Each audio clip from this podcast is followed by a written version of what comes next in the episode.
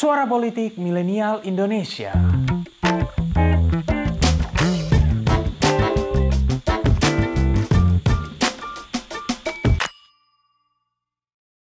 BPN Prabowo Sandi berpendapat Metro TV lebih dominan memberitakan kegiatan dan hal positif dari Capres dan Cawapres nomor urut 01. Hal itu pun telah diamini oleh Komisi Penyiaran Indonesia yang telah meminta Metro TV untuk mengedepankan independensi dan netralitas dalam pemberitaan. Kalian pasti ingat dengan kritikan yang diterima oleh stasiun TV berita Metro TV pada Pilpres 2019 lalu. Kala itu kredibilitas Metro TV dipertanyakan oleh banyak pihak. Well, stasiun TV itu dulu memang identik dengan Surya Paloh yang notaben adalah ketua umum partai Nasdem. Dan kala itu Nasdem ada dalam koalisi pemenangan pasangan Jokowi Ma'ruf Amin.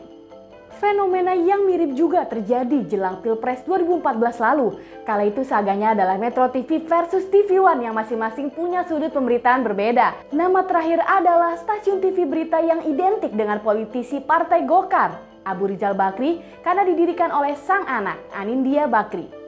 Peristiwa benturan pembentukan opini yang dilakukan oleh dua stasiun TV ini sempat memantik persepsi negatif masyarakat terhadap media, yang pada akhirnya negatif pula pada pers dan jurnalistik secara keseluruhan.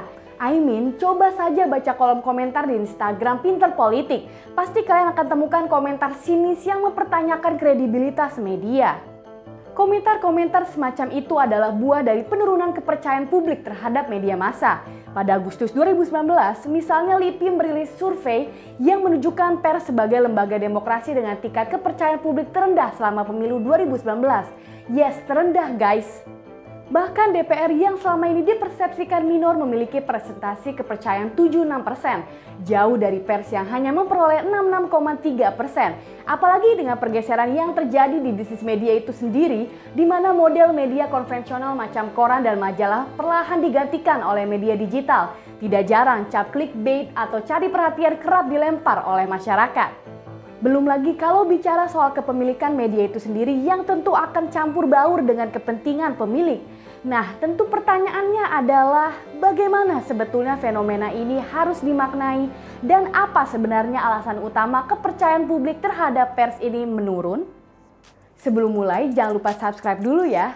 Kalian juga bisa mendaftar jadi member Pinter Politik dan dapatkan konten-konten eksklusif dengan klik tombol join di bawah ini ya. Dan buat yang berminat untuk membeli e-book Pinter Politik, jangan lupa kunjungi toko Pinter Publishing di Tokopedia, Bukalapak, Shopee, dan semua toko online lain kesayangan kalian.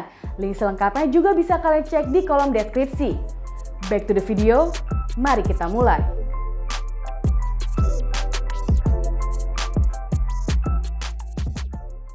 Sebelum membahas lebih jauh, kita perlu sedikit membuat perbedaan antara media massa dan jurnalisme. Media massa punya cakupan yang lebih luas karena menyangkut semua bentuk teknologi, alat maupun sarana tempat manusia mendapatkan informasi, baik itu hiburan, opini maupun berita. Sementara jurnalisme umumnya identik dengan pemberitaan saja. Walaupun demikian, kedua istilah ini sangat melekat satu sama lain dan sering digunakan secara asosiatif.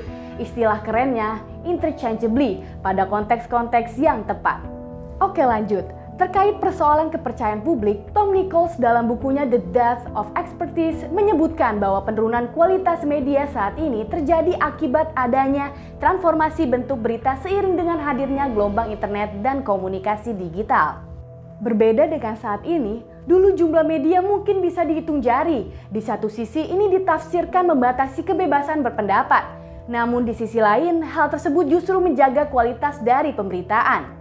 Dulu media akan berpikir dua kali untuk memberitakan pernikahan ataupun gosip perselingkuhan artis ketimbang berita soal invasi Nazi Jerman ke Prancis dan Inggris.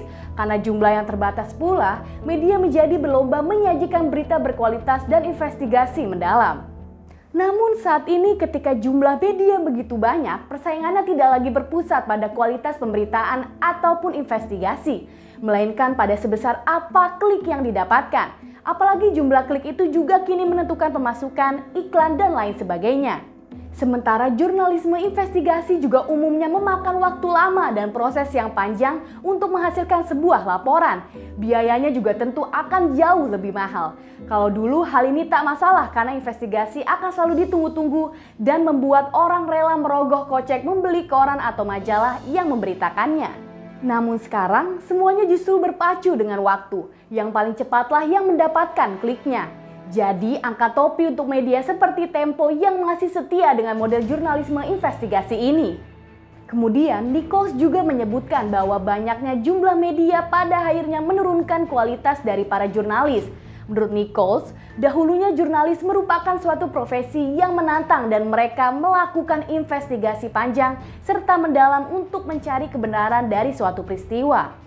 Saat ini, profesi jurnalis dipandang tugasnya hanya menyadur pernyataan pejabat ataupun mencari isu yang hangat untuk diberitakan. Apalagi dengan maraknya sosial media, semua orang seolah bisa menjadi jurnalis. Tinggal foto atau rekam pakai HP, ketik caption, lalu share. Bahasa kerennya, citizen journalism. Hal lain yang patut disorot juga adalah terkait status media massa itu sendiri sebagai sebuah bisnis. Sejak tahun 70-an memang terjadi gelombang besar-besaran ketika konglomerasi bisnis mengambil alih media-media massa di dunia barat. Akibatnya, ketika berbicara tentang pemberitaan, selalu ada tupang tindih dengan narasi kepentingan sang pemilik. Ini masih terjadi hingga saat ini. Jeff Bezos misalnya pada tahun 2013 mengakui sisi The Washington Post lewat perusahaan holding yang ia dirikan, Nash Holdings. Beberapa pihak kemudian menilai media tersebut kini sering mengupayakan kepentingan-kepentingan Bezos lewat pemberitaan-pemberitaannya.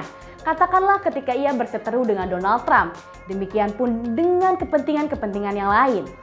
Yang kita bicarakan ini adalah The Washington Post loh ya, media yang sudah berdiri sejak tahun 1877 dan sudah memenangkan 69 Pulitzer Prize. Jumlah itu hanya kalah dari The New York Times. Di Indonesia nyatanya hal ini juga terjadi. Bukan rahasia lagi tokoh-tokoh seperti Erick Thohir, Surya Paloh, Haritano Sudibjo, Abu Rizal Bakri, Hoirul Tanjung, dan beberapa lainnya adalah tokoh-tokoh pemilik media besar. Mereka masing-masing juga punya pertalian politik, entah dengan partai tertentu, kandidat capres-cawapres tertentu, dan lain sebagainya. Jadi jangan heran jika pemandangan macam Metro TV versus TV One di Pilpres 2014 lalu bisa terjadi. Persoalan-persoalan ini jadi tambah rumit dengan masifnya konsumsi informasi lewat internet. Tidak heran banjir informasi pun terjadi dan jadi sulit buat kita untuk menentukan mana fakta, mana hoax, dan lain sebagainya. Terkait hal ini, kemudian muncul banyak usulan untuk menggantikan media massa, khususnya untuk pemberitaan atau jurnalisme dengan artificial intelligence. Yes, dengan AI.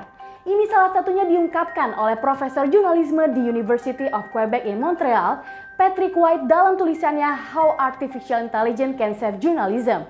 Menurutnya, masa depan jurnalisme dapat terletak pada kecerdasan buatan, AI dapat ditugaskan untuk menulis 2 hingga 6 paragraf tentang skor olahraga, laporan pendapatan, ataupun berita singkat berbasis data lainnya. AI juga dapat menghemat waktu jurnalis dalam menyalin wawancara audio maupun video. Wih, berasa futuristik banget ya. Well, apa pun itu memang harus mulai jadi concern nih soal independensi media, khususnya pada tataran pemberitaan. Nah, lalu bagaimana menurut kalian? Apa solusi kalian soal masalah ini?